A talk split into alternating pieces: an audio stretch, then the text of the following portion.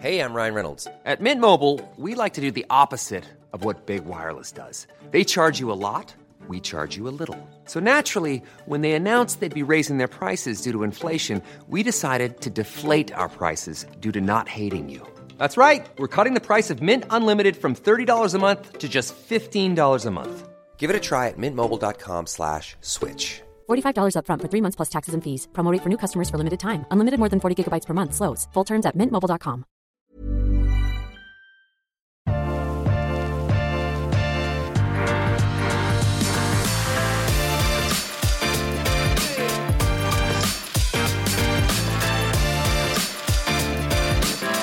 Hei og velkommen til en eh, ny episode av eh, Ukens vintips. Og eh, i den episoden i dag så skal vi smake på to viner som jeg, når jeg så hvilke viner vi skulle smake, jeg gledet meg veldig til. Og det er to viner som eh, dagens gjest, en, en gammel kjenning for mange, Francesco Marzola, eh, har plukket ut. Tusen takk, Francesco, for at du stiller her igjen.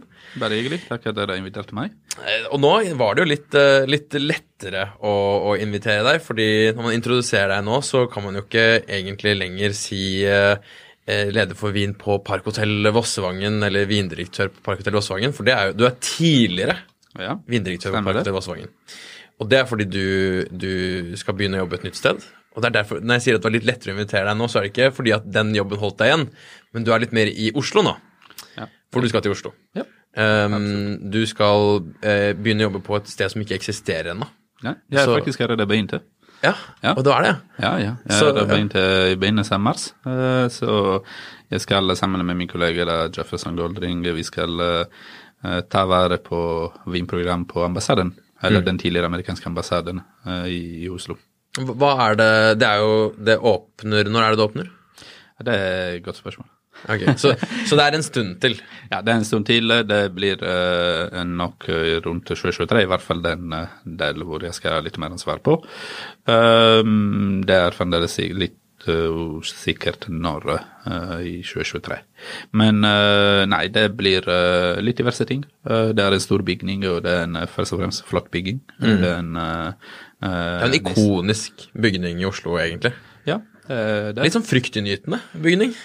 Men det er, ikke, det er egentlig ikke så mange som har vært inni altså, i hele strukturen der. Nei. For Du kommer bare inn og fikk passet ditt, sant? og så gikk du igjen. Og så var det denne store ja. Det var jo på en måte en, eh, en bunker, ble det etter hvert. Ja, det ble en bunker, men faktisk eh, opprinnelig den bygningen var tenkt som en åpen bygning, en åpent hus. Eh, dette er uh, selveste bygningen er tegnet av Rosarinen, som er en arkitekt eh, som er finsk-amerikansk. Og det var den siste bygningen som han tegnet, faktisk. Og eh, det som var eh, på en måte uh, tanke rundt bygning, var at eh, det skulle vært en åpent hus til å på en måte introdusere og presentere amerikansk kultur til den norske befolkning. Eh, det åpnet i eh, 1959, hvis jeg husker riktig, og da det var inne en eh, bibliotek og en kinosal med amerikansk eh, film som var åpen for alle. Og så det kom de første terrorangrepene i 1970, og da det begynte å bli det litt mer uh, bunkeraktig, som du riktig sier, og så enda verre etter uh, 11. september. Eh, sånn at uh, nå det er egentlig det som på en måte kommer til å bli en, en åpent hus til eh, folk, rett og slett. Eh, og eh, det er en ganske stor bygning der vi har flere etasjer og sånn, så det blir ikke bare kjeller og matservering der, og så det blir også med kontoret, og uh, der eh, ja, vi kommer til å ha tre serveringssteder, så vi kommer til å ha konferanse, og til og med en treningssenter, faktisk. Men er, er din rolle på tvers av disse stedene? Eller er det én vinkjeller, eller hva? Ja, nei, altså det som er at eh, vi kommer til å ha alle det som de serveringsstedene kommer til å ha til felles, er eh, en eh, kjerne, som er på en måte den vinkjeller. Eh, min rolle kommer til å bli sjefsommelier eh, slash kjellermester eh, med ansvar på brasseriet, som blir da hovedrestaurant. Eh, og så i tillegg, å som sagt, eh, styre og bygge vinkjeller sammen da med den andre eh, med min kollega Jefferson, som skal være tilsvarende, men til Vinbæren, da. Men hvordan er det, hvordan er det da nå, nå har du sikkert jobbet med det litt allerede, og så er det en, en lang vei fremover. Masse, masse man kan gjøre. Men eh, fra Park, da, som hadde en, eh, eller har en, fortsatt en enorm kjeller, og mye gammel vin, hvordan er det å, å, å komme derfra og så skal begynne med For du skal sikkert kjøpe inn en del vin, men hvor, hvor begynner man da? Hva er planen? Ja, nei, altså, Først og fremst, der er det beint. uh, men eh, nei, altså planen er så klart at eh, vi Det som er målet, er at vi skal ha en deep, stor eh, og interessant vindkarte. Mm. det skal være en vindkarte som kommer til å ha en bra uh, miks mellom klassiske og kanskje litt mer moderne, eller litt mer uh, up and coming. Uh, så på en måte egentlig det blir ikke veldig stor forskjell for meg for min del i forhold til Park, i forhold til det som jeg kjøpte på Park, som stilen, for jeg har alltid likt å kjøpe litt i tvers. Eh, men det blir så klart, eh, i hvert fall i startfase, en større volum da. Um, eh, det blir en veldig sympatisk kjeller. Så igjen, på en måte, det som er målet, er at hvis bygning hadde som mål å på en måte åpne amerikansk kultur til uh, norsk befolkning, når det blir kanskje til å hva skal man si, åpne vinkultur til norsk befolkning. Så det blir, eh, det blir veldig, veldig, veldig, veldig sympatisk og veldig, veldig interessant å komme til oss. Og nei, i utgangspunktet det er en langtidsprosjekt, så det er ikke en fylle opp kjeller og så ferdig med det. Så vi, man må planlegge til fremtiden.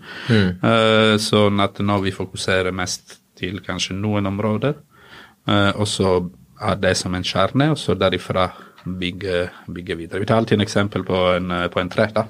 Og har en, uh, en trestamme, og så noe, noe små greiner som eh, Derifra er kanskje de litt mindre representert, men mer på de eksempel interessante tingene.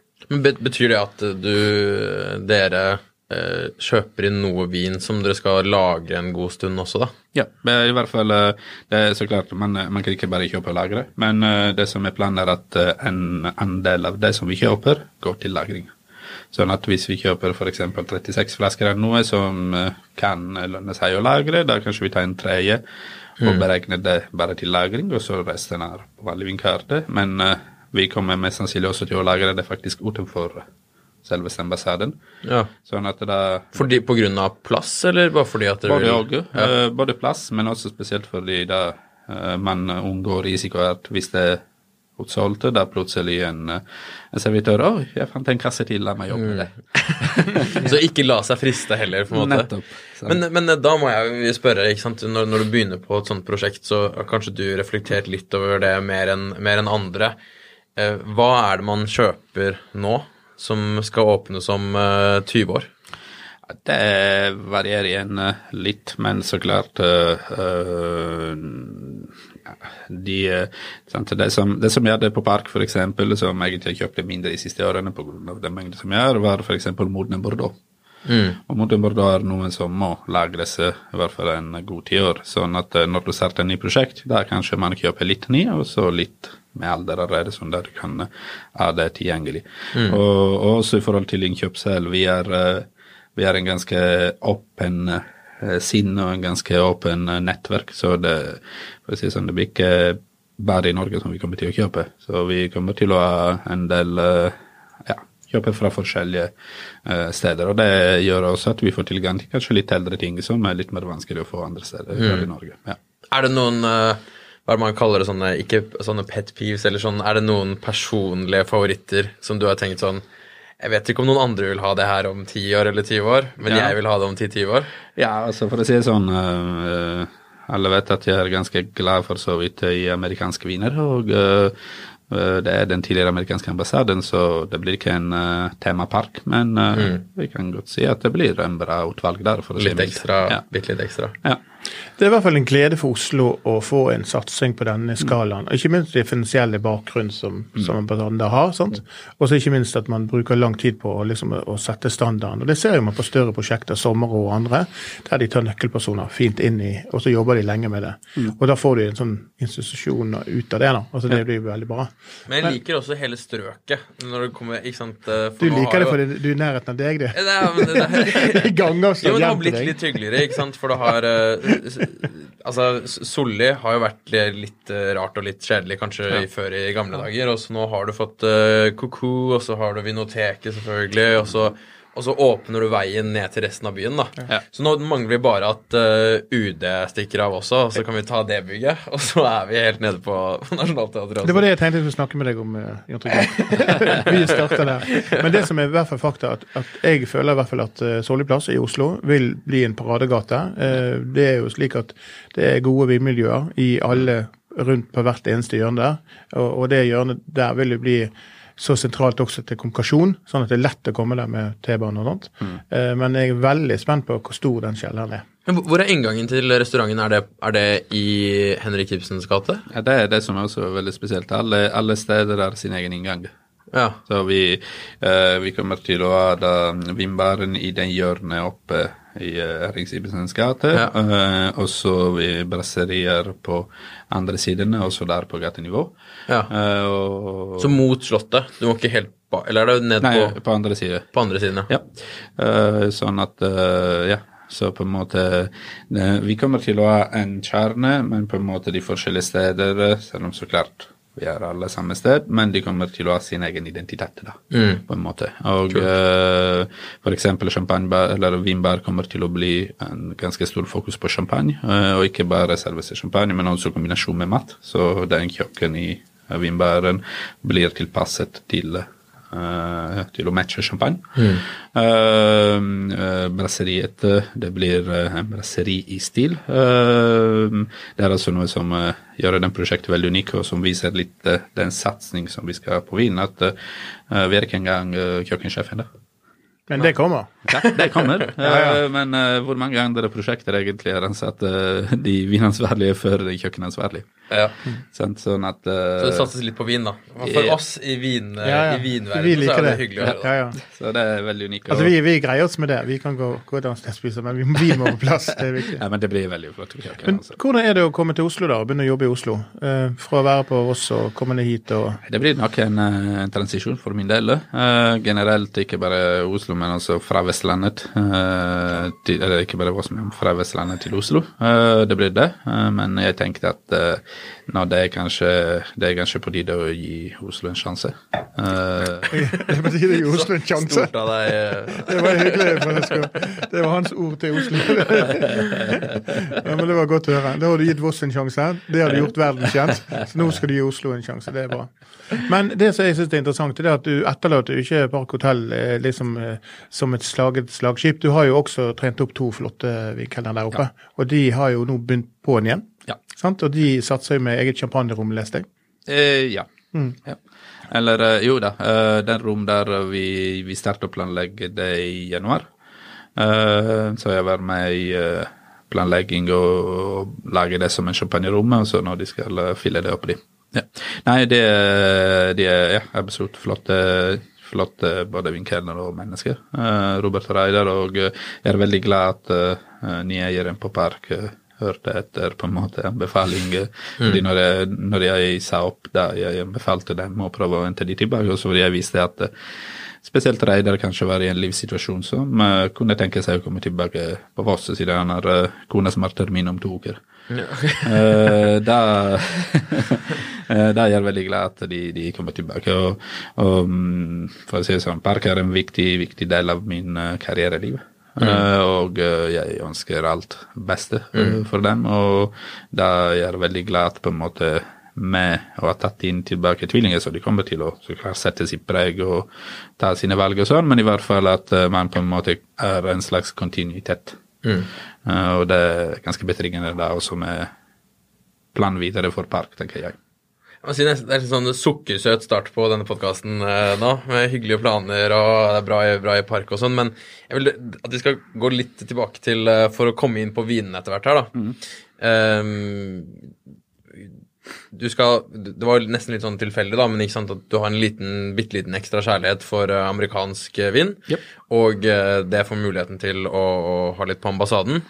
Og vinene i dag er jo to amerikanske viner. Ja. Så, men hvis vi begynner litt mer overordnet da, for, eh, for de som hører på. I dine ord, da, Francesco, hva er det som er spennende i, i USA nå?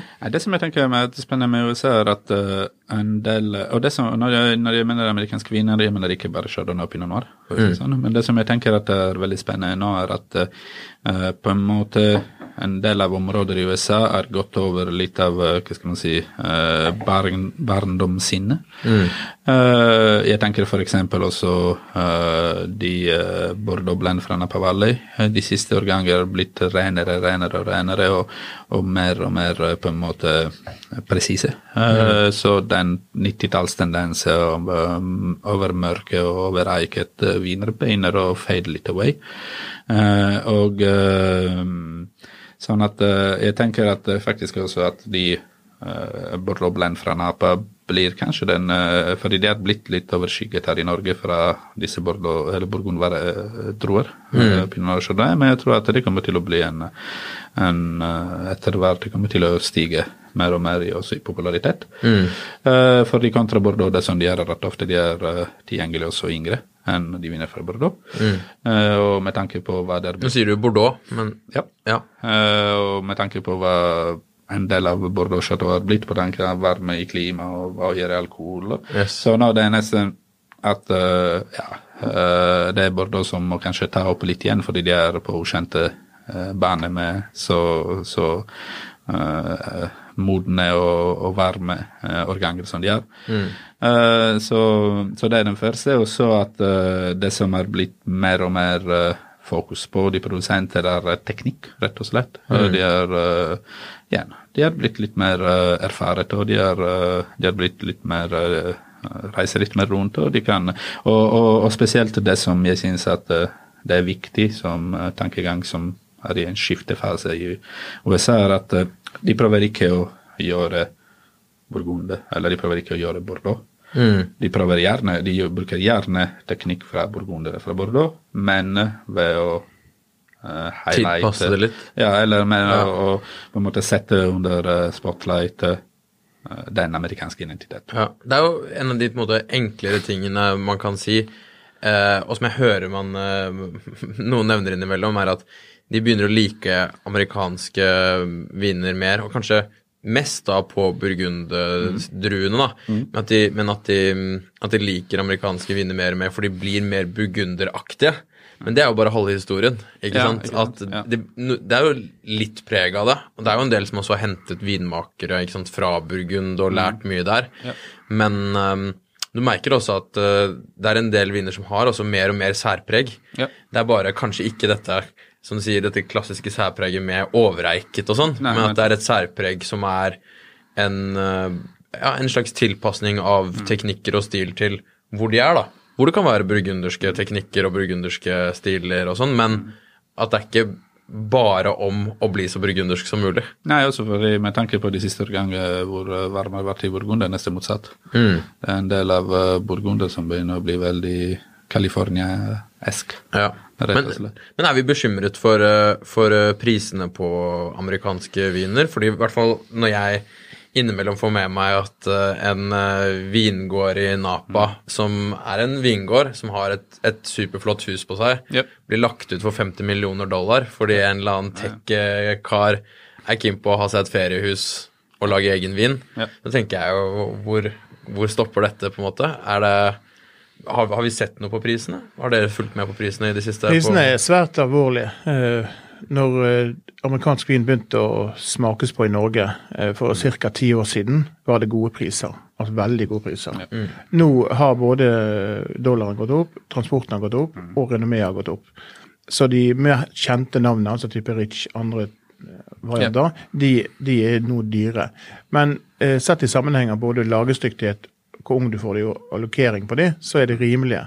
Ja. Men jeg er jo den overbevisning at um, hvis amerikanerne vil eksportere, for det er et vil, eh, så, så får vi eh, behagelige priser fremover.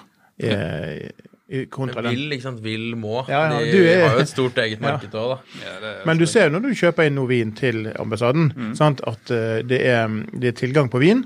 Eh, prisene de er relativt eh, sånn type 600 til 800 kroner for Ja. virkelig god kvalitetsvin. Ja. Og kombinerer du selve smaken med det mot Europa, så er det halve prisen. Eh, Sånn sett så er jo det, det beste som har skjedd eh, amerikansk vin, prisutviklingen i Burgund, da.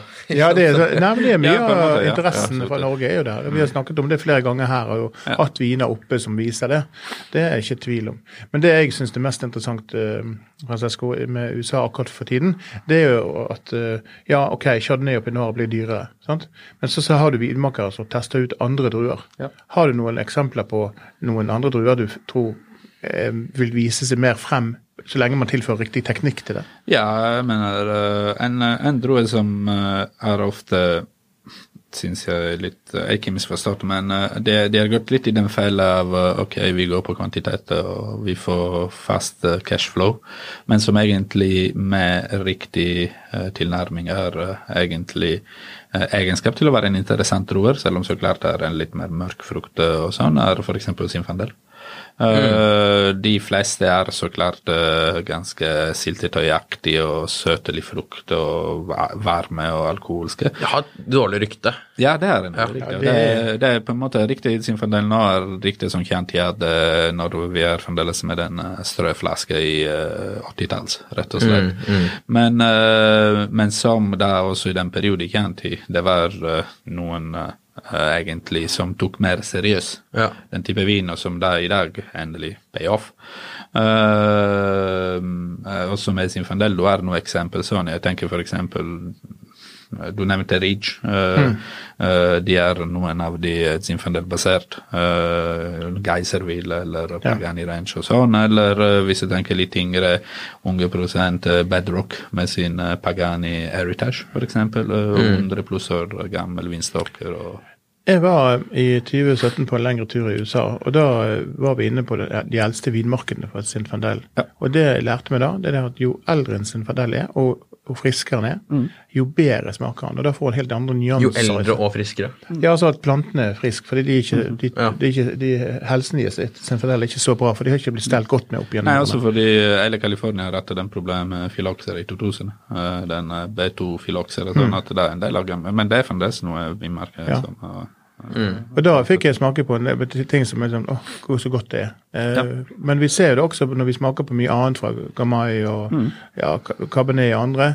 Så er det litt interessante druesorter som kommer opp, eh, Ja. og vindikasjon, så det er jo supert. Men jeg må jo innrømme det at jeg er veldig svak for chardonnay og pinot noir med leskende For å, for å Ja. betrygge de som hører på nå, da. Vi skal ikke smake på Sinfanel nå, da. Nei, det skal, det skal vi ikke. Det får bli en annen Men det, det som, er- det som er grunnen til at jeg, jeg sa det, er rett fordi som sagt på ambassaden blir eh, det blir ikke bare det, så klart, men det blir eh, litt eh, ekstra kanskje fokus på amerikanske viner. Men da det gjelder, det betyr ikke at det blir bare Chardonnay Pinot Noir eh, Cabernet Sauvignon. Det blir litt av en variasjon, både av druer og av steder. Det blir ikke bare California, det blir Oregon, eh, litt Washington State, eh, New York og, og så videre. Og så videre. Sånn at det, det, til og med Virginia jeg tror vi har fått eh, tak i noen viner fra. Sant? Sånn at eh, Men du kan avkrefte det at Falling Feathers blir husets svin på ambassaden.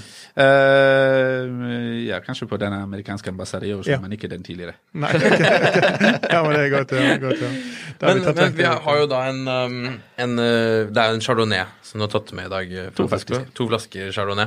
Uh, hva er dette for noe? Nei, altså dette er eh, en av de eh, eksemplene som jeg nevnte før, med produsenter som har sterk tilknytning til stedet eller til identitet, California, men som eh, da de har skjønt i dette tilfellet ganske tidlig at eh, hvis jeg skal lage chardonnay i California, da jeg må gå til det stedet hvor eh, det lages mest chardonnay historiske, til å lære på en måte de teknikker som de bruker der, og så se hvis jeg kan bruke disse teknikker også i California, som er da uh, David Remy med uh, Remy Wine Cellar. Og uh, David Remy er eh, en av disse hva skal man si, første generasjonene uh, vinmaker fra, fra California, så han gikk eh, eh, på UC Davis i 70-tallet, Mm. den perioden som var den golden era, eller renessanse av da eh, California. Så jeg gikk med alle de som i dag har store navn, var i klasse med Randall Graham fra Bonnie Doon eller Katie Corrison osv. Jeg, leste at han uh, også skrev en, uh, en, uh, opp, en Hans hovedoppgave var om utviklingen av, av Romar i Wien også. Ja, han er veldig, han er veldig nerdete på alt dette med, med kjemi i en vin. Absolutt. Uh, og så ja, så han uh, jobbet litt forskjellige steder, både i California og uh, først eh, f- rett etter skolen han faktisk gikk hos Petrus. som så ble kjent med Christian Mailleux, som da etter hvert også han jobbet for han i 90-tallet, mm. for Dominos. Eh, og så- men det som er med, er at siden eh, da midten av 80-tallet, etter en eh, reise til eh, Burgund og sånn, han begynte å bruke teknikker som i dag vi tenker er en selvfølge å bruke til chardonnay, eller i hvert fall de fleste produsenter bruker det, men på den tida var det ikke det. Da snakker vi om malolaktisk gjæring. Malolaktisk gjæring, eller bunnfall. bruning, ja, bruning av moste. Eh, sant, det, Oksidere mosten. ja, oksidere mosten for uh, gjæring. mm. uh, for i dag på den måten du på en måte oksiderer ferdig de elementer som kan oksideres etterpå, men da når du gjør det, du har en, eh, en, en prosess som på en måte eh, blir igjen klær klar. Most, sant? Uh, og det er en eksempel, hvis vi tenker Burgund, det, det som Rouleau gjør, eksempel, eller Mm. Uh, sånn at uh, eh, Ja. Så han er en veldig god eksempel på det. Rami selv, som, som vi produsent, var eh, etablert i midten av 90-tallet, når jeg han jobbet eh, for eh, Christian Maillot og. Uh, siden han laget, for i Førde han jobbet for steder hvor det lages hvitvin, så at da han aldri laget eh, det sjøl. men eh, når han startet hos Dominos, da spurte jeg rett og slett kan jeg lage litt hvitvin, siden dere ikke noe hvitvin i portfolio. Så de sa ja, det, go ahead for. Eh, og så da, ja, starta hele eventyret, rett og slett. Men eh, ja, så eh, For California Chardonnay syns jeg er en av de på en måte uh, benchmark da, Mm. Eh, eh, det er en litt, eh, skal vi si, mm, merkelig portfolio for de til tvers av Chardonnay. Han lager også Cabernet Sauvignon fra Napa, så det er litt uh, eh, Det virker som han har prøvd seg litt hvordan denne lille bedrift, familiebedriften etter han har vært og jobbet hos de store, han som hans kone, Ja. Så han har prøvd seg litt frem, Ja. så økonomien kom, Ja. ansatte har kommet ganske seint, altså Ja. bare for 15 år siden, og så har han begynt å Og da holder han med f.eks. på en kabinel, og det, det, det som kanskje han har solgt lokalt. Ja, absolutt. Og, og han har f.eks. vært en av de første i USA som uh, holder med chardonnay, holder de, i hvert fall på de enkelte vinmarker, sju måneder så to år, to vinter. Uh, og, og det han selv sier at det var uh, Marcolin som fortalte han at i Burgunde de gode viner holdes to vinter uh, før uh, på fat. Um, og det, det var i forbindelse til et lunsj, tror jeg, eller en middag og sånn, og det var i den forbindelse også at faktisk Per Ive sånn til Marcolin, Pierre-Yves mm. uh, jobbet hos han som trainee for en periode i 90-tallet. Um, sånn at, ja. Så som sagt, uh, god eksempel av en produsent som prøver ikke å lage Burgund, som lager amerikansk chardonnay, men som hva skal man si, skjønner nok, eller er ikke, er ikke den uh, stolte etter og sier nei da, jeg vet hvordan det lages, men tørre å tørre å ta og, og, og prøve og tørre å, å, å bruke de teknikk som verdens beste region for chardonnay bruker. Men da for å gå litt, eh, litt spesifikt her, ikke sant? For de, som, eh, for de som hører på, og som kanskje vurderer å skaffe seg en sånn flaske. Yep. Nå har vi, I hvilken rekkefølge er det vi har Westside Farms Estate, Yes. og så har vi Ritchie Wynyard. Korrekt. Eh, begge to koster det samme på polet, det er 630 kroner. Ja. Um, hvilke, hvilke er det, er vi, Var det Westside vi har i venstre? Nei, Westside er til høyre side, og så Ritchie til venstre side. Ja, og, og da, hvis vi skal beskrive disse dere to Altså, nå sitter jo jeg her, eh, en enkel sommelier sammen med en eh, snart master-sommelier og en gammel vinjournalist. Hva, hva er, hva er eh, nå, For nå har vi jo gått litt i dybden allerede Ja. på hvordan, hvordan disse stilene er eh, sammenlignet med Burgund og sånn, så Altså er det, er, jeg tenker det er to, eller flere ting som, eh, som eh, gir eh, en forskjell. Først og fremst er det du ser bare fra farge, du merker at det er en, en klimaforskjell i de to vinmarkene, rett og slett. Uh, Ritchie er litt kjøligere enn uh, Westside, eh, og det er fordi Westside ligger, ligger litt innland i Russian River. De er også i Russian River, men det er litt mer eh, vest, litt nærmere kyst. Eh, og så En annen stor forskjell mellom disse to vindmarkene er eh, rett og slett plantmateriale. Uh, Westside er en vinmerke fra ca. 90-tall. Som ble plantet i 90-tallet, så er det ganske uh, modne vinmerker der. Men Reach er enda eldre. Det, er, uh, det var plantet i 1972. Mm. Og de overlevde den filoxeriktodosen, for å si det sånn. Sånn at uh, ofte faktisk Rich er referert som ja, det, det, er kanskje feil å bruke uttrykk, men det er noen som refererer det til som en grønn kro av Sonoma. Uh, og, og, det i forhold til stedet og plass. De er for så vidt laget begge to på samme måte, så det er, uh, ikke mer enn 20-25 av nyfat, og det er 20 måneder på fat. Så det er ikke så stor forskjell i det. Mm. Uh, det er mer selveste sted. og så ren aromamessig der tenker jeg Den første forskjell på nese i hvert fall er at Riche er kanskje litt mer floral. Mm. Og litt mer uh, uh, friskere frukt mot sitrus, mens west Westside er litt mer mot den tropiske karakter. Ja. Den føles også den Denne Westside føles også mer Jeg syns den er ganske flott balansert, men den, er, den, er, den har en annen type fylde også, nesten. Mm. Den er kanskje ikke så mineralsk heller. Den, Richie er ganske, er ganske mineralsk. Som, på nesen også, særlig. Ja, det som når, når, vi snakket sammen før sendingen om hva viner vi skulle ha med oss, så var det snakk om å ta den ene med, og så, så sier vi nei, vi tar begge, og det er jeg glad for. For dette viser egentlig kan styrken hans, at han kan lage to helt forskjellige stiler, ja. samme drue. Ja.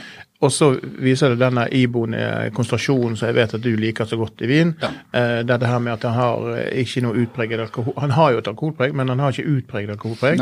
Og så har han en moderat fattoner, men det er liksom sånn dette her er ung, men fantastisk god vin, og mye vin for pengene. Ja, absolutt. Og det må jeg bare si at eh, skal dette være standarden på ambassaden, mm, da skal jeg eh, vanke der ofte. For det, det, handler om å finne de gode kjøpene. Ja. Og han har jo da jobbet hos merkevarer, sant? altså Dominos og andre store. Og her føler jeg ikke at han kan fint ta opp prisen til 200-300 kroner uten at han eh, Kanskje vi, vi slipper å fortelle ham? Nei, vi må ikke si det til ham. Men, men, det jeg sier er at dette gir sånn value for money innenfor ja, begrepet. Absolutt. Og de, eh, jeg vet at vi eh, på Rich, der er det bare noen få ja, Det er vel kanskje elleve flasker igjen når vi spiller inn denne sendingen her. Ja. Eh, men det, jeg, jeg så, måtte sjekke ut litt av det. Jeg husker ikke hvilken av det var, men dette var relativt tilgjengelige viner på polet. Det var det, ja, ja. ja. Men uh, jeg vet at uh, det kommer kanskje litt uh, ekstra etter hvert. Ja. ja det... Westside virker uh, på meg som en, en mer tradisjonell amerikansk vin enn Ritchie. Det har du veldig rett i, Jon Trygve. Mm. Jeg var litt spent på når, du, når vi kom i studio, var dette her viner du likte. Men jeg ser smilet ditt nå, så jeg, jeg liker det meste av vin. Veldig godt, ja. men, men, det er jo akkurat det der med, med å bare um, bare prøve to forskjellige vinvarer. Det er, det, det er klassisk eksempel på å ha med seg samme prosent av to viner. Det er langt bedre enn noen annet eksempler vi har hatt i mm. podkasthistorien her. Jeg vet ikke hva, det er, hva, hva, som er på en måte lettest å, å, anbefale av eh, de to. Det kommer kanskje litt an på hvilken stil man kanskje liker. Kanskje begge to, ja. rett og slett. Ja. Mm. Men det som, det som, jeg liker veldig godt av viner fra Remy, eh, og som viser veldig tidlig frem, er at hvor eh, teksturelle de er, disse viner. Mm. Jo, så klart det er du har aroma, du har duft og sånn, men, men, det som jeg liker, er nettopp som du riktig sier, Westside er litt mer, litt mer rundt, litt mer kremete, litt mer mm. fyldig. Uh, og, og, Reach er litt mer slank, litt mer uh, mineral. Så noen av det kalte kanskje Reach en vertikal vin, og, og Westside mer en horisontal vin. Mm. Uh, men, men, det som jeg liker, er, er begge to hvor stor på en måte fokus er på tekstur i vin, mm. og, og, hvor uh, mye den tekstur gir, ikke bare når du fysisk drikker det, men også etter at du har uh, drukket det. Mm. Uh, fordi det, det, sitter lenge det sitter veldig lenge, Veldig, ja. Jeg er helt enig. Og, og um, særlig Westside vil jeg si sitter veldig lenge. Mm. Den blir sittende strålende. Sånn på det kanskje som overrasket meg over Richin, var at den, den, er jo Begge er ganske intense på nesen. Mm. Og, og, hvis det er noen ting som avslører at det er amerikansk, så er det kanskje den intensiteten, faktisk. Ja. Um, men Richin var sånn sett overraskende slank og fin. Mm. Så en, en, veldig interessant vin. da.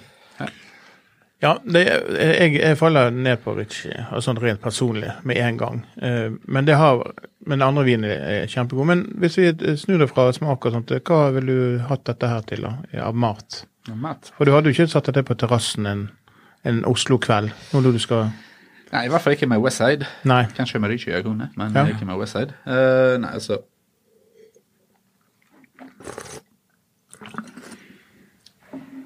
Jeg tror USA faktisk hadde, hadde taklet ganske godt uh, uh, jeg, Det er en liten svakhet av uh, chardonnay med faktisk hvitt kjøtt. Eh, så jeg tror at faktisk USA hadde taklet veldig godt uh, enten noe svinindrefilet, uh, gjerne grillet med litt av den karamellisering, litt av den sødme fra karamellisering, som du kan finne litt igjen i den modne frukter. Uh, eller gått helt en annen vei, og jeg vet at den klassiske hadde vært en annen type vin, men uh, hvis man tenker en klassisk uh, schnitzel uh, Schnitzel har vært eh, et helt fantastisk sånn kalvesnitsel. Ja. Uten ansjosen. Ja. Den hadde vært krasj. Men eh, ja, snitsel hadde vært. Nå er det retning. eh, eller hvis vi beholder oss i Østerrike med eh, spekk. Ja. med, med, med salt og fedme der brasire og bra igjen frukt, fruktmodenhet til å, til å takle salt, rett og slett. Uh, mens Ricci uh, Ricci da kanskje hadde gått med noe litt mer eh,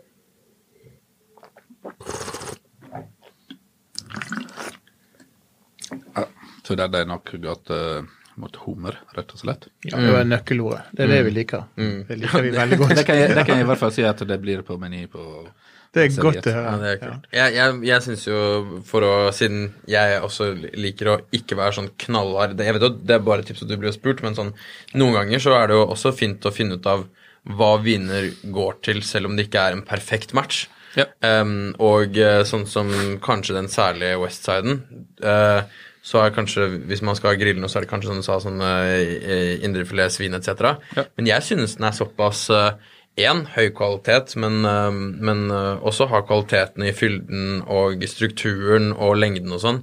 At det er egentlig en ganske fin hvitvin generelt til grillmat. Ja. At eh, hvis man bare foretrekker Hvis du griller nesten hva som helst, og du bare foretrekker hvitvin, sånn som mange Ja, gjør, ja, ja, så er det en ganske, en, en ganske fin vin å ha på et eh, bord, da. Ja, grilling av rent kjøtt, og ikke sånn, jeg håper å si, saltet. Og, Ja, ja, men liksom, men- bare sånn, ja, er en man liker å ha hvitvin. Da. Det er jo typisk Jeg, jeg liker egentlig da, Jeg likte da du sa at du grillet indrefiletsvin, fordi på en sommerdag så er det veldig mange som ønsker seg hvitvin. Ja. Samtidig som man kanskje skal grille. Ja. Og så Hvordan er det da du eh, finner en riktig hvitvin som eh, ikke er en kjempedårlig match til grillet kjøtt? Ja. Og det er en, Dette er en sånn, ja, en klassisk Ja. Ja, ja, enig. Så mm, Nei, Vi kan bare eh, ønske deg hjertelig velkommen til den lille byen Oslo, eh, vi gleder oss til å se deg her i, i byen oftere. Og vi vet at du skal være her um, i studio flere ganger. Ja. Du har mye, det, eh, er, det er sånn vi, ja, vi sikrer det. det, det, det skal vi sikre oss. For det, det vi har lyst til å lære oss, det er også din vei mot master sommelier. Ja. Eh, Og hvordan går den? eh, Ja, det, det, det er en spennende vei. Og, Og, eh, og eh, VM. VM. Og VM. Yes, det Kan, kan du, før vi runder av helt, da Nå, Ja. nå er det litt under et år til VM. Yes, det er mindre enn et år. Eh, eh, elleve måneder. Ja. Elleve måneder, ja. Hvordan ser eh, prosessen ut å forberede seg til VM? Nei, det ser, eh, det ser bra ut. Uh, nei, det som er nå ren uh, kalender, på en måte, er at uh, fram til sommer nå gjør jeg ren forberedelse av teori. Eh, Så finpussing av teori og utdyping av teori og eh, oppdatering av teori og sånn. Hva, hva, hva er det du leser? Er det mest bøker, eller er det nye, nye nyheter? Eller er det Både òg. Uh, ja, det er nyheter, det er masse bøker, så klart. Og uh, nå gjør faktisk både til master og til VM uh, Jeg har gått ned til uh, cahier de charge for en del av eh, appellasjoner.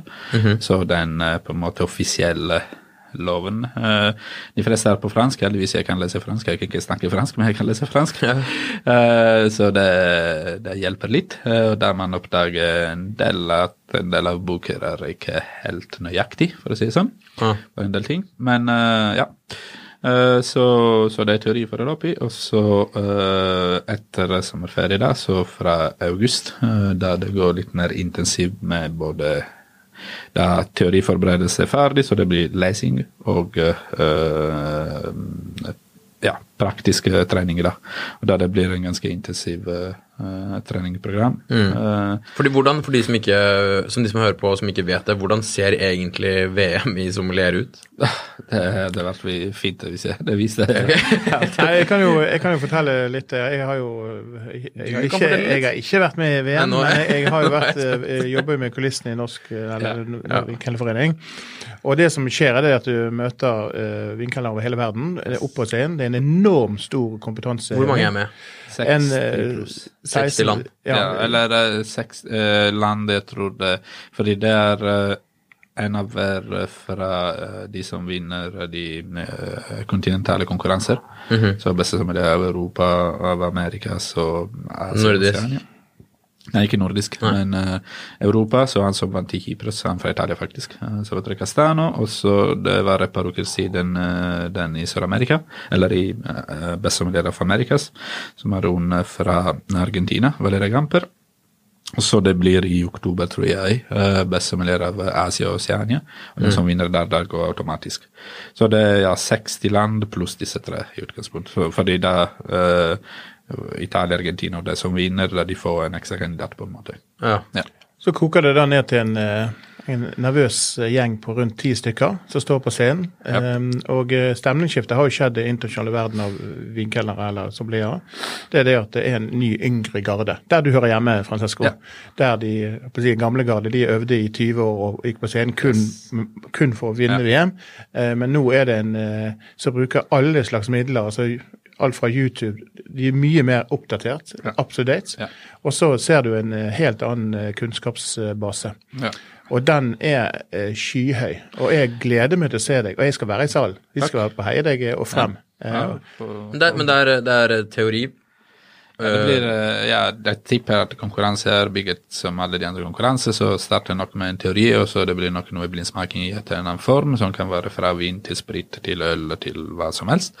Eh, og så blir det nok noe praktiske, uh, og praktiske kan gå fra de klassiske dekantering eller uh, servering av ditt datt eller cocktail til eh, mindre klassiske.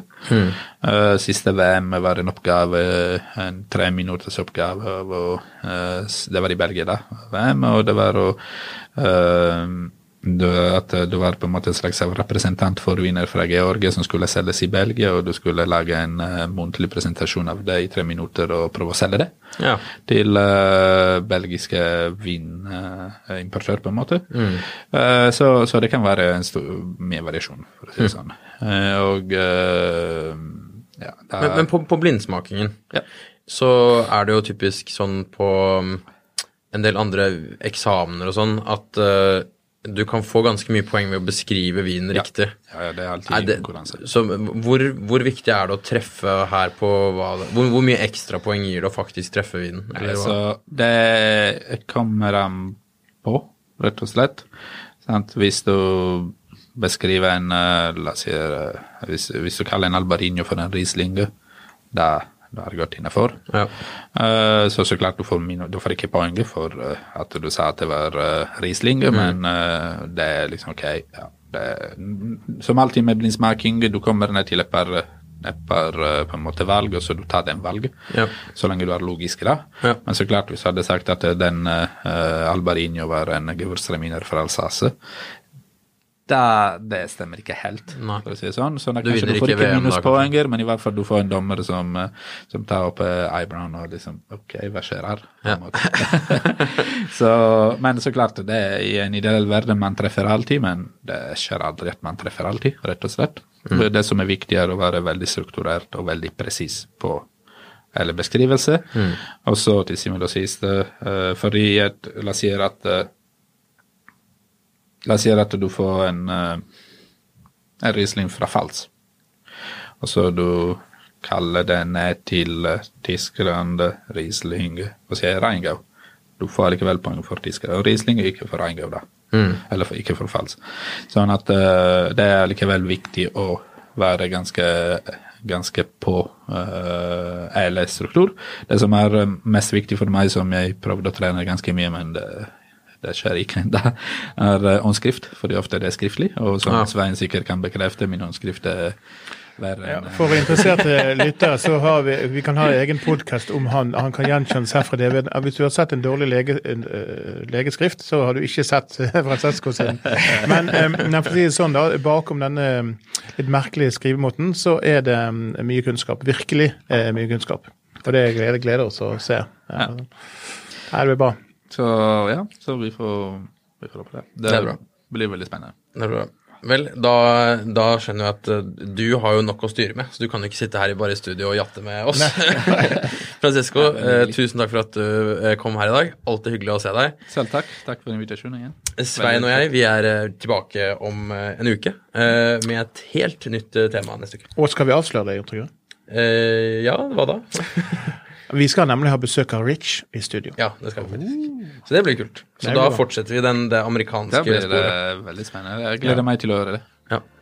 Så ja, det blir kult. Det hadde jeg nesten glemt, men det blir dritbra.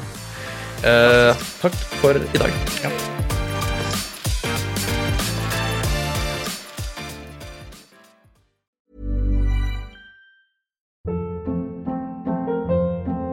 Hold up. What was that? Boring. No flavor. That was as bad as those leftovers you ate all week. Kiki Palmer here, and it's time to say hello to something fresh and guilt-free. Hello Fresh. Jazz up dinner with pecan-crusted chicken or garlic butter shrimp scampi. Now that's music to my mouth. Hello Fresh. Let's get this dinner party started. Discover all the delicious possibilities at hellofresh.com.